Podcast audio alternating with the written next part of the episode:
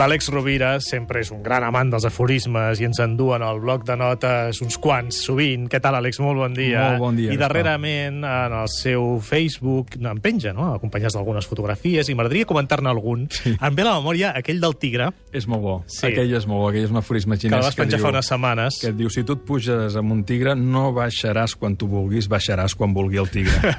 Per tant, bé, anem en compte Vigila amb els tigres. on eh? et fiques. Sí, sí, sí. On et fiques que si no tens molt grau de llibertat per triar, doncs estàs venut. Vindria d'aquest aforisme. També, ah, i i això també ho podem comentar amb en Llavina, no? També és relacionat amb les parelles. Absolutament, eh? També. amb les parelles, amb els socis, eh, etc etc. no?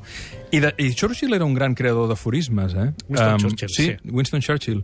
N'hi havia un um, de molt bo que deia, si tingués que aturar-me a tirar pedres a cada, bosc, a cada gos que em borden el meu camí, no arribaria mai en el meu destí. És a dir, tu fes el teu camí i no estiguis pendent d'allò que et diguin.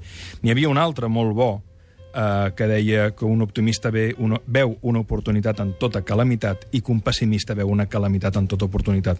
Eh, Winston Churchill era un gran pragmàtic. Precisament per això probablement va dir soc optimista, no em sembla gaire útil una altra cosa.